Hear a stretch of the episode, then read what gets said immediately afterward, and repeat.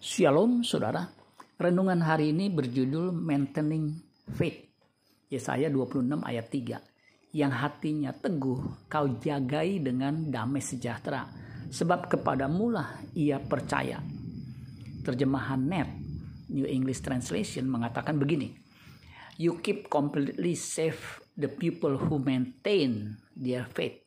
For they trust in you. Terjemahan bebasnya kurang lebih seperti ini engkau benar-benar menjaga orang-orang yang mempertahankan imannya karena mereka percaya kepadamu. Tuhan menjaga dengan sungguh-sungguh orang yang juga menjaga imannya.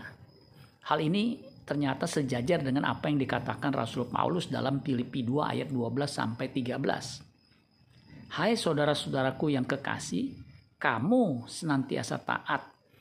Karena itu tetap lah kerjakan keselamatanmu dengan takut dan gentar. Bukan saja seperti waktu aku masih hadir, tetapi terlebih pula sekarang waktu aku tidak hadir. Karena Allah lah yang mengerjakan di dalam kamu, baik kemauan maupun pekerjaan menurut kerelaannya. Orang percaya harus mengerjakan keselamatannya dan Allah juga akan mengerjakan di dalam kita yang serius mengerjakan keselamatannya. Allah tidak akan menolong mereka yang tidak menolong dirinya sendiri. Mengerjakan keselamatan adalah tanggung jawab umat pilihannya. Amin buat firman Tuhan. Tuhan Yesus memberkati. Sola Gracia.